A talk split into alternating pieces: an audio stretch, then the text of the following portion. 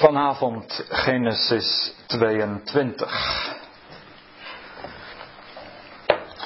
En dat is toch altijd een heel bijzonder gedeelte. Tegelijk ook een hoofdstuk waarvan ik het gevoel heb, hier moet ik uh, mijn schoenen uitdoen want hier sta ik op heilige bodem.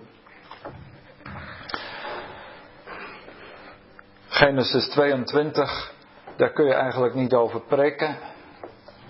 Daar kun je ook amper over preken of spreken. Maar eh, je kunt het alleen maar beluisteren. Proberen te horen. En dat willen we vanavond met elkaar gaan doen. We gaan gewoon maar eens um, de tekst met elkaar volgen. En dan zo nauwkeurig mogelijk horen wat er gezegd wordt. En dan willen we ook wat gaan zien. Welke plaats heeft dit hoofdstuk in het hele boek Genesis? Dat is toch ook wel belangrijk om daar meteen alvast een inleidende opmerking over te maken. We zijn hier in de cyclus van Abraham.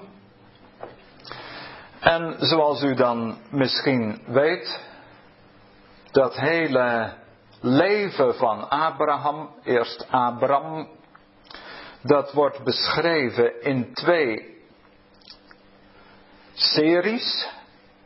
De eerste ronde is Genesis 12 tot en met 14. En de tweede ronde is Genesis 15 tot en met 22. In die eerste ronde, hoofdstuk 12, 13, 14, gaat het over de belofte van het land. Want Abraham kreeg twee beloften. Dus die eerste ronde heeft betrekking op het land. Daarom begint die eerste ronde ook met ga, leg, ga uit uw land, uit uw geboortegrond, uit Bet Aviga, het huis van uw vader. Naar het land, naar de Eretz, die ik u zal laten zien. Zien wordt daar een sleutelwoord. Dus dat is de eerste serie, die drie hoofdstukken.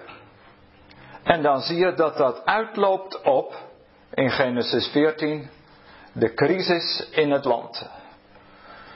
Want dan is het oorlog. Vier koningen tegen vijf. Dat is Genesis 14. Dan eh, gaat het bepaald niet zo goed in het land dan wordt die eerste belofte een bedreigde belofte. Dan in Genesis 15, daar begint de tweede cyclus. En dan gaat het over de tweede belofte die Abraham gegeven wordt, namelijk de zoon. Hij zal een land krijgen en hij zal een zoon hebben. Vanaf Genesis 15 is helemaal in beeld het zaad van Abraham. U voelt wel aan dat die beloften ergens ook nog weer dwarsverbindingen hebben met elkaar, want land en zaad, dat hoort bij elkaar. Daarom moet je dan ook wel consequent zaad vertalen en niet nakomelingen of nageslacht of iets dergelijks. Je moet wel dat woord zaad kunnen horen, ook in de vertaling. Dus belofte van het land, dat is één. Belofte van het zaad, dat is twee. Die tweede serie begint in Genesis 15 en die eindigt in Genesis 22. De eerste serie eindigt met de crisis van het land. De tweede serie, dat kun je dan haast al zien aankomen, eindigt met de crisis rondom het zaad. Dus dat zou je misschien boven Genesis 22 kunnen zetten. Het zaad wordt bedreigd. Om het even wat compleet te maken, daarna komen er nog twee PS'en. Het eerste PS is Genesis 23. Daar gaat Abraham een graf kopen voor Sarah. Dat heeft weer te maken met het land, u begrijpt het al. Want dat graf moet liggen in het land. Daarna komt er een tweede PS, dat is Genesis 24. Daar moet de knecht een vrouw gaan zoeken voor Isaac. En dat heeft dus weer te maken met het zaad. Dus twee series. En na die twee series van allebei nog een PS. Die compositie alleen al is magistraal. Alleen al dat moet ons overtuigen van de majesteit en de grootsheid van de auteur van het boek Genesis. Het boek Genesis als meesterwerk. Daar zou je eindeloos over kunnen spreken en denken. Vanavond beperken we ons tot hoofdstuk 22. Dan zitten we dus aan het eind van de zaadserie. Of de zooncyclus. Nou, dan gaan we maar eens nauwkeurig lezen.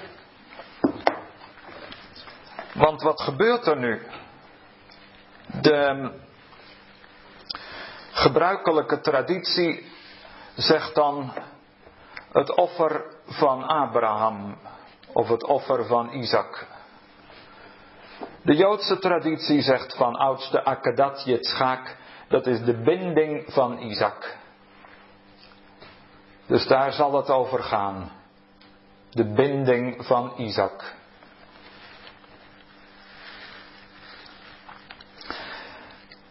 Nu meteen de eerste zin. Want ja, dat is al even aangeduid. Dit hoofdstuk roept heel veel vragen op.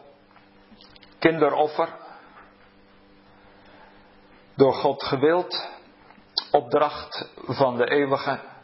Hoe moeten we ons dat voorstellen? Wil God dat? Moet Abraham zijn zoon gaan offeren in opdracht van Adonai? De eerste zin moeten we dan niet overslaan. Nou, we lezen maar eens even. Vers 1. Wajehi en het geschiedde. Achar varim ha'ele, na deze woorden. Het kan ook betekenen na deze zaken. In ieder geval betekent dat alles wat eraan vooraf gaat. En na deze woorden, dat zijn dus de woorden die Abraham gesproken heeft, de woorden die God heeft gesproken. En na die woorden gaat er iets geschieden. Dus het is een vervolg. Abraham heeft al een hele geschiedenis, want het woord devarim kan betekenen woorden, maar het kan ook betekenen geschiedenis. Je kunt dus ook zeggen, na deze geschiedenis gebeurde het. André Neher heeft daar heel ontroerend over geschreven. En hij zegt, Abraham was degene die het gesprek weer terugvond. Al die eeuwen daarvoor, en vooral in de tijd van de torenbouw van Babel, was de mens het gesprek met God kwijt. Er was geen dialoog meer tussen aarde en hemel. En Abraham, hij is de inventeur des paroles. Hij vindt de woorden weer uit. Daar is een gesprek tussen Abraham en God, tussen God en Abraham. Maar er komt een moment en dan stokt het gesprek. En de Heer zegt, dan is Abraham geketend op de roc du silence, op de rots van de stilte. Dan komt het zwijgen in zijn leven. Het geschiedde na deze woorden, want zo is dat toch altijd eigenlijk wel in het leven van een kind van God. Soms spreekt de Heer, maar ook wel eens niet. Spreekt niet vanzelf. Het is niet zo dat je kunt zeggen, oh nou ja, God spreekt altijd wel. Soms ga je ook door een periode van zwijgen heen. Zoals Neher ook ergens zegt, dat God en mens elkaar niet begrijpen. Maar we lezen eerst maar weer even verder. Het geschieden na deze woorden. We Elohim en God. De God staat er eigenlijk. Namelijk de God met wie hij al zo lang heeft gewandeld. Nissa et Afgaham stelde Abraham op de proef. En hij zeide tot hem Abraham. En hij zeide, Heneni, hier ben ik. Heel ontroerend al. We komen er al in. Maar de sleutelzin, de themastelling die boven de hele tekst staat, is God stelde Abraham op de proef. Daar staat in het Hebreeuws een perfectum, een voltooide tijd. Nissa. Hij heeft hem op de proef gesteld. Voltooid tegenwoordige tijd.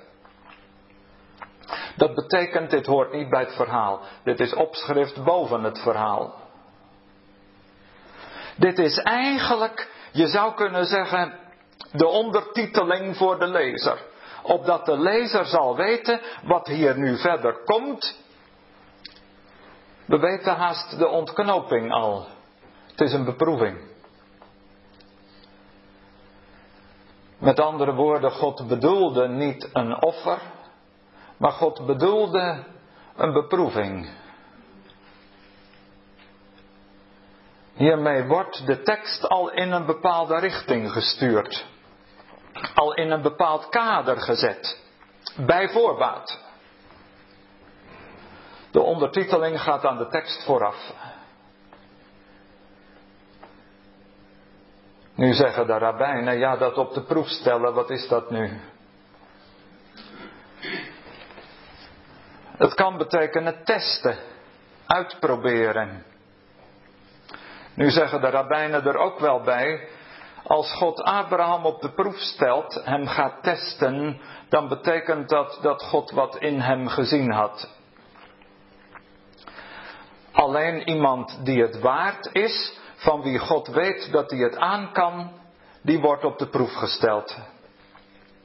Goud en zilver worden beproefd. Hout en stoppelen, dat hoef je niet te proberen om die in het vuur te brengen, dat weet je van tevoren. Dus als God Abraham op de proef stelt, dan weet God van tevoren, met Abraham kan ik dat doen. Ik weet wie ik voor me heb. Ik hoef dat niet te proberen met Jan Rapp en zijn maten. Die staan hier buiten. Alleen met jou kan ik het doen, Abraham, want wij kennen elkaar al langer dan vandaag. Wij weten wat we aan elkaar hebben. Niet voor niets wordt Abraham vriend van God genoemd. Geliefde van God. Daar is als het ware een intimiteit, een, met eerbied gesproken, ons kent ons, een innerlijke verstandhouding waarbinnen zulke dingen kunnen. Er is nog een tweede punt. De rabbijnen zeggen dat woord nissa, dat op de proef stellen, daar kun je ook in meehoren. Dat is eigenlijk iemand opheffen om hem te wegen. God gaat Abraham wegen. Zijn geestelijk gewicht. En daartoe gaat God hem omhoog heffen. Want Nasa is beproeven, maar het is ook opheffen. God gaat hem opheffen. God zegt, nou neem ik je in mijn hand, ik hef je omhoog, want ik wil weten hoe zwaar je voelt op de hand. Ik wil je gewicht weten. Je heerlijkheid, want heerlijkheid dat is ook gewicht.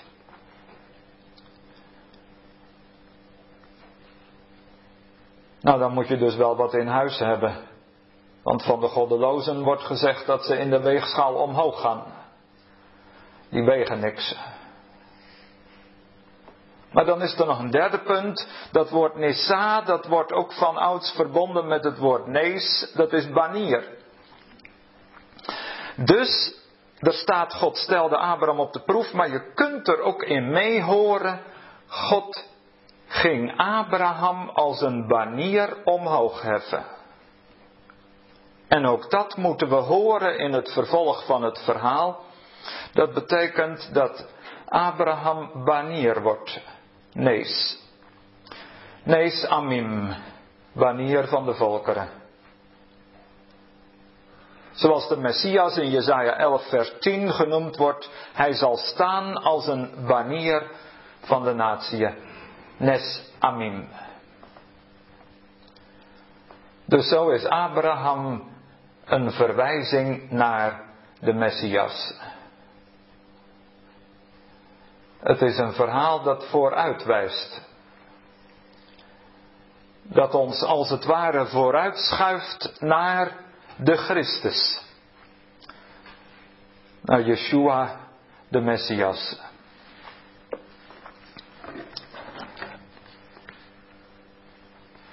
Dan staat er, en hij zeide, we zijn nog steeds in vers 1, Abraham.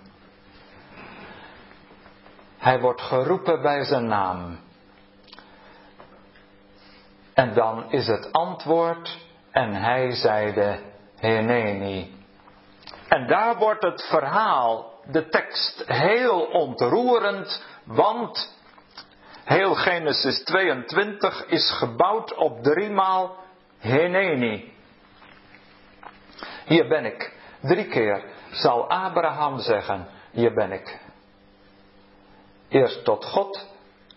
De tweede keer, dat zullen we straks zien, tot Isaac. En de derde keer tot de engel. Drie keer, zie mij. Hier ben ik. Drie keer drukt Abraham de totale beschikbaarheid uit.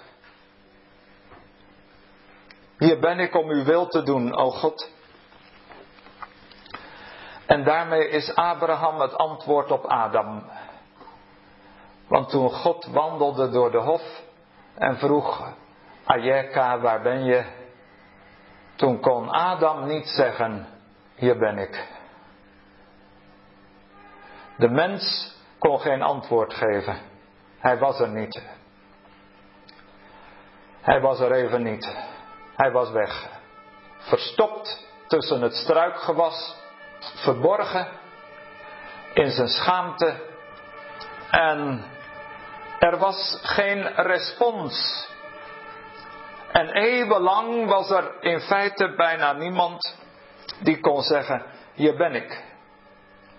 Eindelijk heeft God nu weer iemand gevonden die tot driemaal toe kan zeggen: Hier ben ik. Wat moet dat een vreugde geweest zijn in de hemelen. God heeft weer een mens. Nou, dat was vers 1. Ehm, nou ja, als we vers 1 maar verstaan hebben, dat is al heel wat. Maar we gaan nog even verder, dan gaat het gebeuren. Vers 2. En hij zeide: Neem toch uw zoon, uw enige, die gij lief hebt. De oude Joodse uitleg zegt, je voelt de climax. Hoe het net als het ware steeds meer wordt samengetrokken. Neem toch uw zoon. Want zeggen de rabbijnen, toen zei Abraham, ja maar welke bedoelt u? Ik heb meer zonen. Ja, zegt de eeuwige, uw enige. Ja, zegt Abraham, maar Ismaël is ook de enige zoon van Hagar. Het zijn allebei enige kinderen. Ja, zegt God, maar die gij lief hebt. Ja, zegt Abraham, maar ik hou van allebei. Ik hou ook van Ismaël. En dan, na die drie kwalificaties, dan komt het hoge woord eruit. Jitschaak, de naam. En dan kan Abraham dus geen kant meer op. Dan kan hij niet meer in twijfel verkeren wie wordt er nu bedoeld. dan is het helemaal zonneklaar. Jitschaak. Het wonderlijke is dat Jitschaak, dat is de zoon der belofte. Hier hangt dus de hele toekomst aan. Dit is het zaad van Abraham. En dan tot overmaat van ramp, Isaac heeft een bijzondere naam. Want, zoals u misschien weet, Jitschaak betekent hij zal lachen. En dan bekruipt je meteen het gevoel in dit hoofdstuk, valt er bitter weinig te lachen. Hij zal lachen. Is er iets te lachen dan? Moet uitgerekend deze mens die naam dragen? Hij zal lachen. Is dat een vergissing? Jitschaak, wat moet je met die naam die je draagt?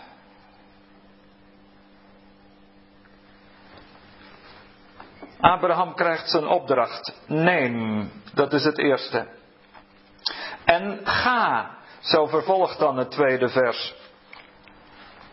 En dan is het ook weer heel opmerkelijk.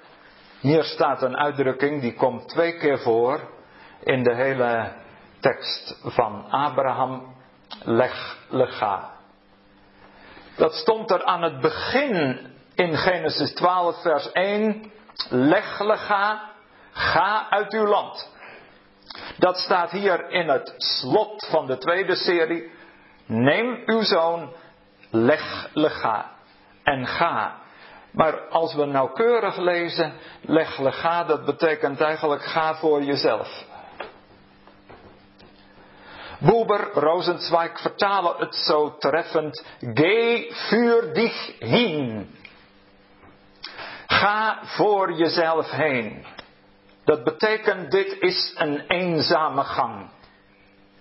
Eenmaal moest Abraham eenzaam gaan, weg uit zijn familie, naar een vreemd en onbekend land. Nu moet Abraham opnieuw gaan, een eenzame weg, weg uit zijn familie. Dag Sarah, we gaan op reis. Waar gaat de reis heen? Dat hoor je nog wel. We zijn wel een aantal dagen weg. Pas goed op jezelf.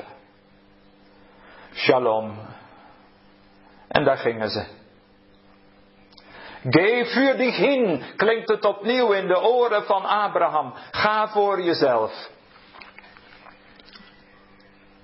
De opperrabijn van het Britse gemeenebest, Jonathan Sachs, zegt: leg lega, dat betekent ga tot jezelf. Keer tot jezelf in. Dit wordt de verinnerlijking. Abraham moet inkeren tot de kern van zijn bestaan. Alle franje eraf, alle buitenkant eraf. Ga tot jezelf.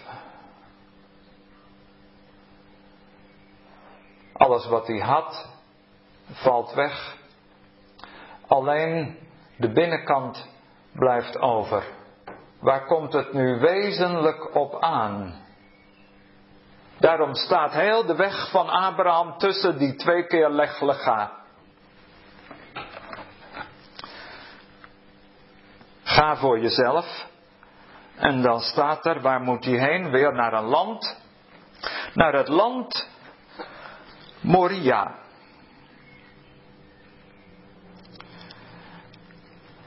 En dat land, dat geeft al een bepaalde verwijzing.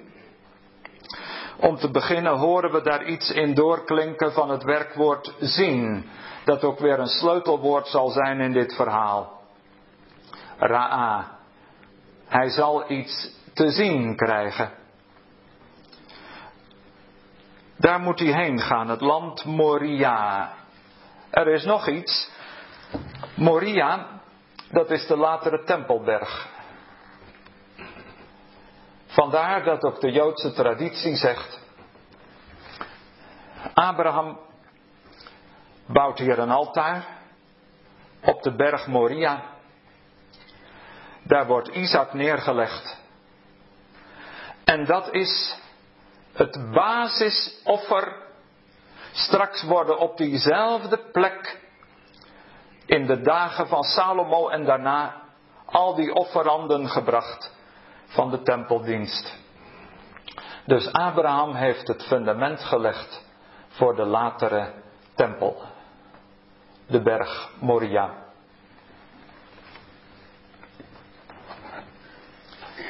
En nu komt het. Ook nu moeten we weer nauwkeurig lezen, dan staat er aan het eind van vers 2. En offer hem daar tot een brandoffer op een der bergen, die ik u zal zeggen. Ja, de gangbare vertaling zegt offer hem. En daardoor is dan ook de uitleg ontstaan Abraham krijgt de opdracht om Isaac te offeren. Misschien. Maar het is wel goed om even te onderstrepen dat de tekst hier een meer gelaagdheid heeft. Er zitten meer niveaus in deze woorden. Er staat een werkwoord dat betekent doen opgaan. Het is hier vertaald met offer, maar dat woord dat uh, betekent doe hem opstijgen tot een ola. En een ola dat is, zoals Boeber zegt, een opgangsgave. Dus letterlijk doe hem opgaan als een opgangsgave voor Adonai. Dus wat moet er met Isaac gebeuren? Hij moet opgaan. Maar als God een opdracht geeft, dan zet God je ook wel eens aan het denken. Een opdracht kan ook meerduidig zijn. Want dat is iets anders dan een bevel. God is niet een God die bevelen geeft, want daar zit altijd iets heel bedenkelijks in. Nee, maar de uitdrukking beveel is beveel. Dan moet je gewoon een commando opvolgen. En dan moet je vooral niet denken, maar je moet gewoon domweg doen. Maar een opdracht is iets anders dan een bevel. Bij een opdracht moet je wel eens denken. Dus wat God hier tot Abraham zegt, daar zitten verschillende niveaus in. Doe hem opgaan. Maar je zou kunnen zeggen, dat is toch de wezenlijke bestemming van een mens. Dat je opgaat naar God. Dat is de bedoeling. Abraham, weet je het wel? Je hebt een zoon gekregen, zaad, maar de uiteindelijke bestemming van dat zaad van jou is dat het op zal gaan naar God. Hoe moet dat opgaan zich dan voltrekken? Ja, dat zal nog moeten blijken. Daar ben je nog niet zomaar uit. Hoe moet een mens opgaan naar de eeuwige? Ik zal opgaan naar Gods huis. Maar hoe dan? Hoe kan een mens opstijgen naar het hemelse? Loskomen van het aardse. En dat speelt daar dan tegelijk ook in mee. Abraham, je hebt nu een zoon. Maar die zoon moet niet jouw bezit zijn zodat je zou gaan zeggen, kijk, nu heb ik zaad. Nu heb ik de belofte. Dat is allemaal voor elkaar. En daar klamp ik mij aan vast.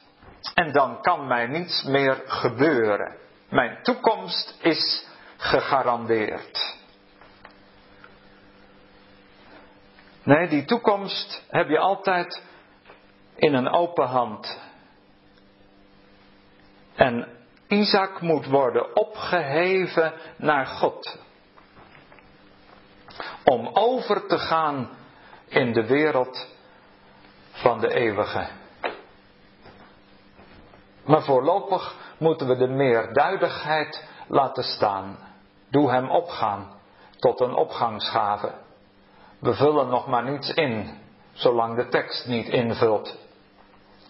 Misschien vult Abraham het straks zelf wel in. Laten we maar wachten wat hij doet.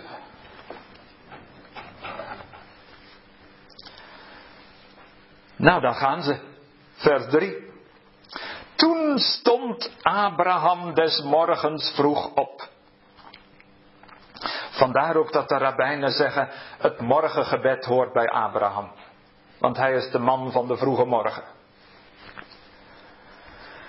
Vroeg in de morgen staat hij op. En nu iets heel vreemds. Hij zadelde zijn ezel. Nam twee van zijn knechten met zich. Benevens Jitschaak, Beno, Isaac zijn zoon. Twee knechten. Jitschaak staat er. Beno, zijn zoon. En dan? En hij kloofde het hout van de opgangsgave van de Ola. Het is goed om dat even op je te laten inwerken, die volgorde. Heel vreemd. Doe je dat zo? Abraham? Is dat gebruikelijk? Wat valt daarop? Eerst gaat hij de ezel zadelen. Dus die ezel staat daar al in de startblokken. Er staan al twee knechten bij en Isaac staat er ook bij. En als ze allemaal klaar staan voor de reis, dan zegt Abraham, ik ga hout hakken.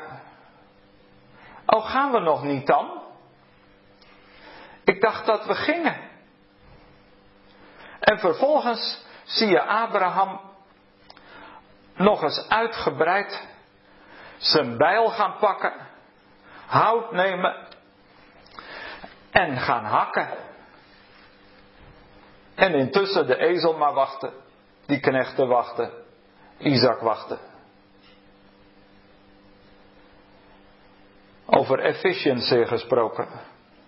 Lijkt ver te zoeken. Wat is dit? Verhaaltechnisch noem je dit retarderend vertellen. Vertragend. Want het hele proces van de reis wordt op die manier geblokkeerd. Eerst staan ze allemaal klaar en vervolgens die hele vertraging, het hout hakken. Net alsof de verteller wil laten zien, mensen, het is alsof Abraham er zelf ook innerlijk mee worstelt. Wat ben ik nu aan het doen? Alsof hij tijd wil uitsparen om te denken. Nou, terwijl je hout staat te hakken kun je erg goed denken. Daar heb je niet veel hersens bij nodig. En je kunt er misschien ook nog een beetje afreageren. Als je last hebt van innerlijke spanning, dan is houthakken heel nuttig. Ja. Misschien zouden ze dat eh, bij het RIAG ook eens wat vaker moeten adviseren. Gaat u eens hout hakken? Net als die filosoof eh, Sikko Deemster die ook af en toe problemen had doordat de spanning hem te veel werd. En dan had zijn vrouw altijd in de zijkamer een stapel strijkgoed klaar liggen. En als ze merkte hij wordt een beetje zenuwachtig, dan zei ze: Sikko, kom eens even. Er liggen nog wat overhemden. Pak het strijkijzer maar. Nou, hout hakken als therapie. Ja, dus uh, in die tussentijd kan Abraham eens even proberen. Niet alleen om die houtjes op een rijtje te krijgen, maar ook om zijn innerlijk op een rij te zetten. Als hij eindelijk dan klaar is met hakken, dan staat er, hij begaf zich op weg en hij ging naar de plaats die God hem genoemd had. Daar gaat hij dan. Letterlijk staat er waar Jacob, hij stond op. Die werkwoorden hebben ook allemaal hun functie, maar we kunnen niet op alle details ingaan. Dan mis ik de laatste trein. Hij stond op en ging El Hamakom naar de plaats die Ha Elohim, de God, hem gezegd had. En dan vers 4. Toen Abraham op de derde dag zijn ogen opsloeg. Bayom Hashelishi. Daar begint vers 4 mee. Op de derde dag. En Abraham hief zijn ogen op. En u weet wel, de derde dag, dat is in de Bijbel altijd de dag van de beslissing. Zou een hele studie over kunnen houden, die krijgt u vanavond niet. De derde dag, dat is de dag van het keerpunt, van de doorbraak. Het is ook de dag van Pasen. Hij sloeg zijn oog op en hij zag die plaats, die Makom, van verre. En als je iets van verre ziet, dan kun je er nog niet bij. Dan is het nog onbereikbaar. Vers 5. En Abraham zei tot zijn knechten: Blijf gij hier met de ezel. Terwijl ik en de jongen daar ginds heen gaan. Hoort u wat hij zegt? Hij zei tot zijn knechten: Hier blijven. Ik en de jongen gaan daarheen. Hij zegt niet ik en mijn zoon. Het bezittelijk voornaamwoord is verdwenen. Het is niet meer mijn zoon. De derde dag, dan is Abraham inmiddels zo ver gekomen. Hij heeft afstand gedaan van zijn bezit. In het begin stond er: neem uw zoon, uw enige. Allemaal bezittelijke voornaamwoorden. Nu zijn het nog wel zijn knechten. Maar het is de jongen. Innerlijk heeft Abraham hem losgelaten. De jongen. Hij is niet van mij. Hij heeft hem uit handen gegeven. Er is wat gebeurd van binnen. In diepste zin zou je haast kunnen zeggen: Isaac is al omhoog gegaan. Als een opgangsgave. Het wezenlijke heeft zich al voltrokken. En dan het slot van vers 5, wanneer we hebben aangebeden. Hij zegt, weet je wat we gaan doen daar? We gaan aanbidden. Hij zegt niet, we gaan offeren. Hij zegt, we gaan tot aanbidding komen. En dan zullen wij tot u terugkeren. Ook daar spreekt iets uit van geloof. Wij komen terug. Abraham weet meer. Hij spreekt vanuit een innerlijke verstandhouding met de hemel. Vers 6. Toen nam Abraham het hout voor de ola, voor de opgangsgave. Hij legde het op Isaac, zijn zoon. Daar staat nog wel weer even zijn zoon. En hij nam in zijn hand het vuur. Het vuur en het mes.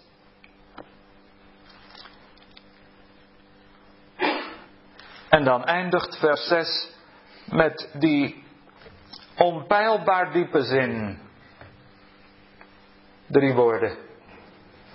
Vayelechu shenehem yagdao. Zo gingen die beiden tezamen.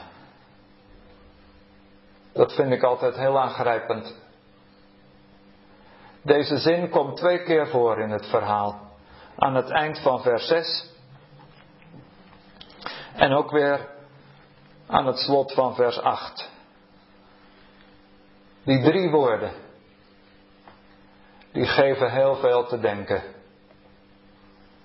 Daar gaan ze. Shenehem, hun beiden staat er eigenlijk. Jagdaal, tezamen. Daar is het gaan. Ze zijn met z'n tweeën. En ze zijn ook tezamen met elkaar verbonden.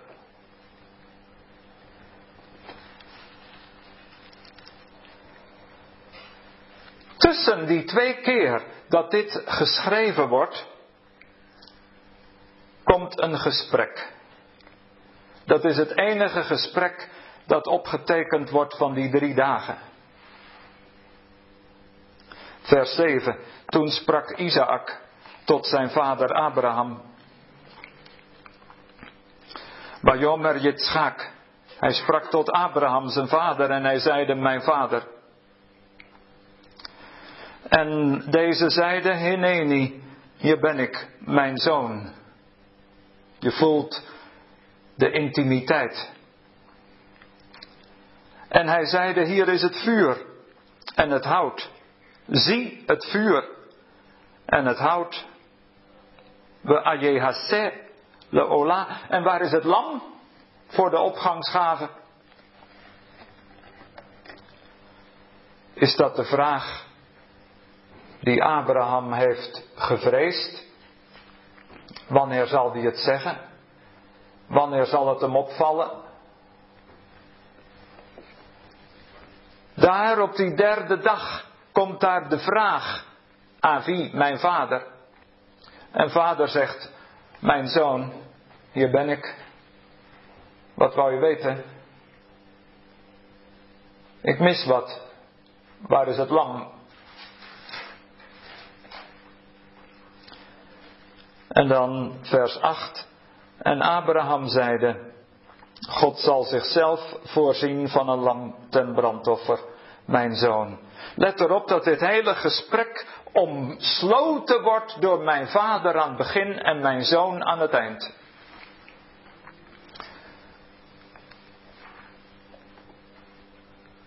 We zijn getuigen van het meest intieme gesprek tussen vader en zoon. Heilige grond. Je zou haast zeggen, hier past een ambtsgeheim.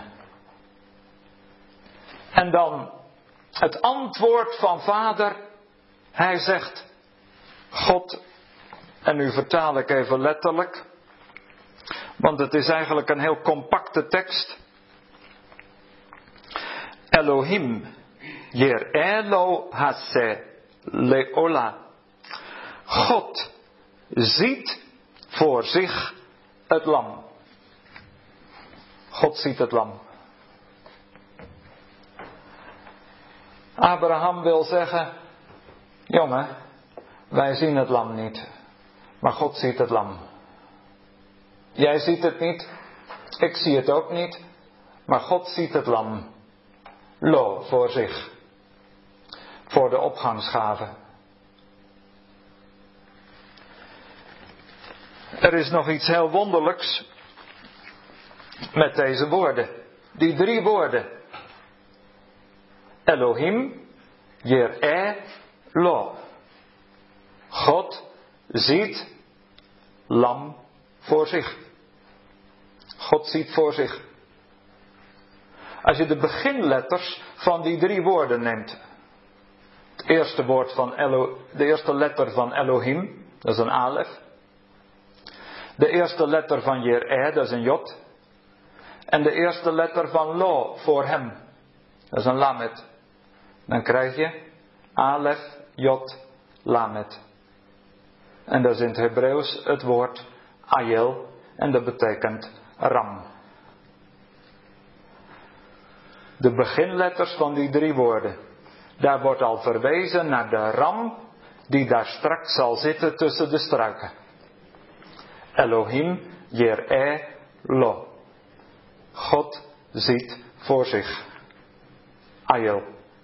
In vers 8 is de ram al verborgen aanwezig. Die zit al verstopt in het struikgewas van Abrahams woorden. Hij is er al. Maar hij laat zich nog niet horen. De ram is nog stil, als een schaap dat ter slachting geleid wordt. God ziet voor zich. Dat is het grootste akkoord hier in dit slotverhaal van Genesis 22. God ziet. Zien is weer een van de motiefwoorden. En Abraham zegt: God ziet. God ziet het. En daarom kan Abraham gaan. Kijk, en dat is nou geloof. Geloof is gaan omdat God ziet. Jij gaat, want God ziet. Jij ziet niet. Nee, misschien, zo is het vaak. Heel vaak moeten wij gaan zonder dat we zien. En dan zeg je, zie je wat? Zie je waar je naartoe gaat? Ik zou het niet weten. Maar ik weet één ding, God ziet. En dat is genoeg. Hij kent de weg.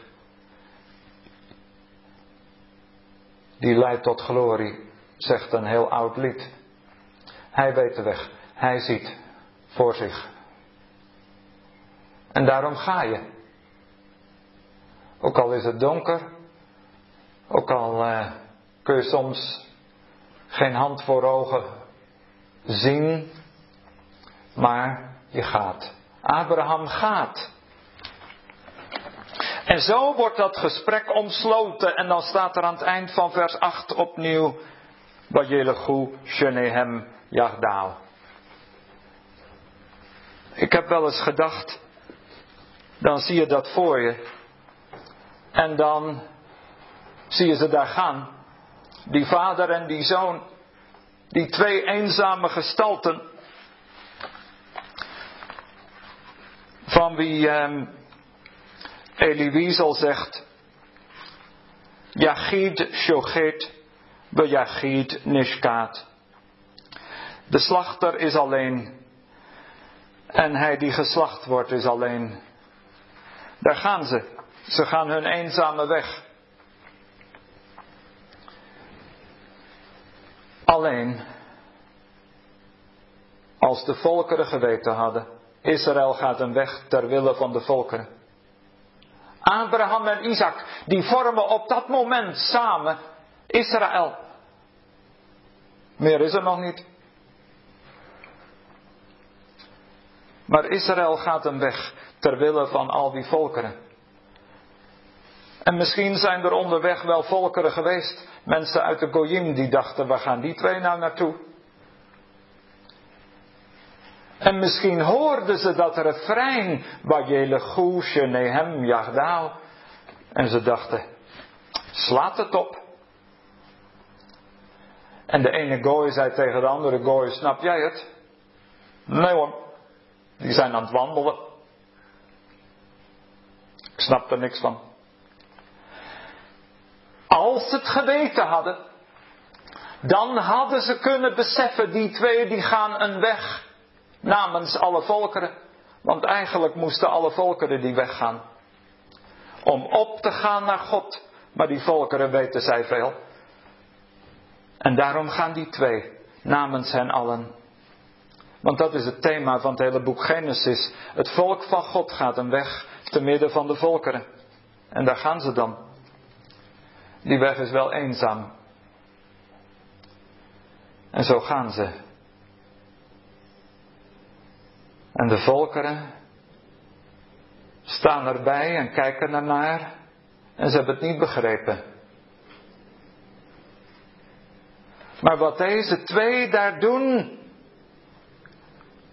gaande en sprekende in dat wonderlijke gesprek daar onderweg, dat heeft betekenis voor heel de wereld. En daar wordt een fundament gelegd. Op deze toewijding bouwt God zijn tempel. Dus het is geen offer, maar het is toewijding. Net zoals er in de Hebreeënbrief staat, daar staat eigenlijk ook niet het woord offer, maar er staat prosfora. En prosfora betekent letterlijk toebrenging. Jezus, Yeshua, hij was volkomen toegewijd aan de Vader. En ook daar was die verstandhouding. En dan zegt vers 9, toen ze aan de plaats die God hem genoemd had gekomen waren, bouwde Abraham een altaar al daar. Hij gaat een altaar bouwen. Een slachtplaats. En hij schikte het hout daarop. En hij bond zijn zoon Isaac. Daar krijg je dat binden, de Akedat Yitzchak. En hij legde hem op het altaar, bovenop het hout.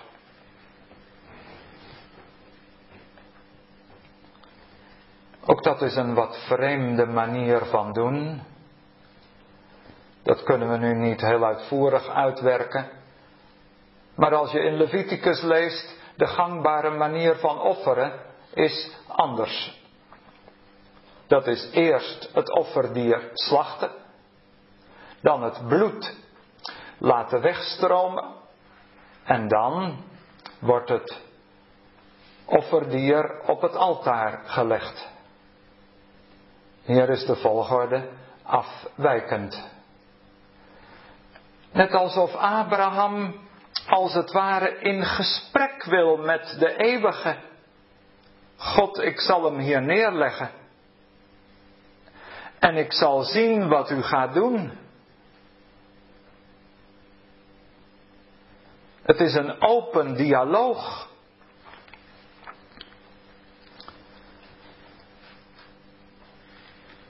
De rabbijnen vertellen op dat moment. Er zijn vele Joodse uitleggers die zeggen: ah, Isaac was 37 jaar toen het gebeurde. 37. Denk je in, in de kracht van zijn leven. Nog volop toekomst voor zich. En zeggen de Joodse uitleggers, Isaac zei, vader, wilt u me stevig vastbinden? Dat ik niet zal tegenwerken. Opdat mijn toewijding volkomen zal zijn en opdat datgene wat we hier samen doen vrucht zal dragen voor de toekomst. Vader, bind me maar stevig vast.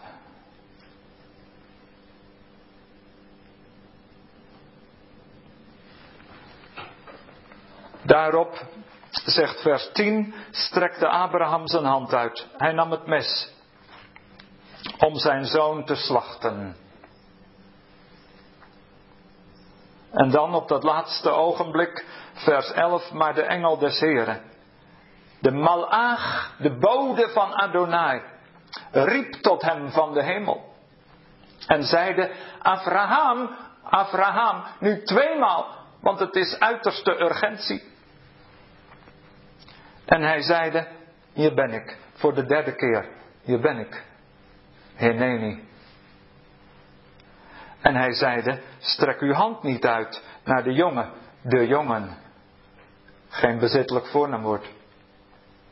En doe hem niets, want nu weet ik, nu heb ik bekend dat gij Godvrezend zijt. En uw zoon, uw enige, mij niet hebt onthouden. Nu weet ik. Ik heb het bekend dat gij Jere Elohim ontzag hebt voor God. Weer een woordspeling met zien. Het gaat steeds om dat zien en nu gaat het om vrezen en vrezen is Jare. Dat lijkt op zien, op Ra'a. Dat gij ontzag hebt voor God. Je hebt je zoon niet aan mij onthouden. En op dat ogenblik, toen sloeg Abraham zijn ogen op en daar zag hij een ram achter zich. Met zijn horens verward in het struikgewas.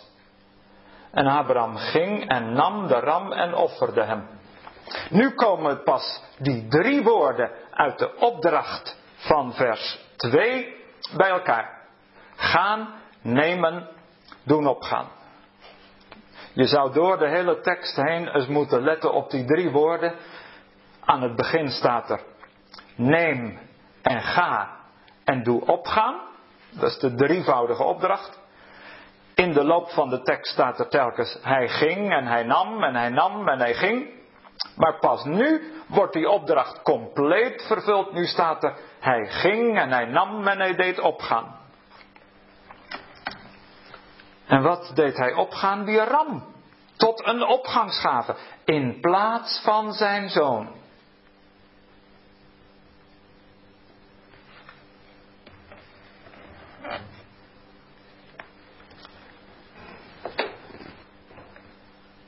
Dus geen kinderoffer. Dat heeft God niet gewild.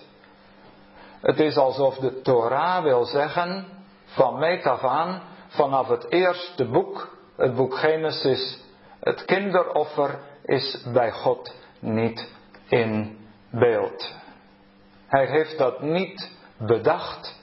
Hij heeft dat van meet af aan afgesneden. Zo zal het onder u niet zijn. En daarom vers 14.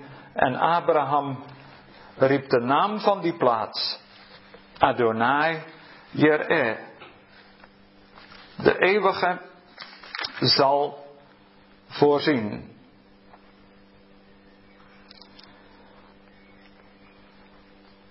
De naam van de plaats wordt geroepen.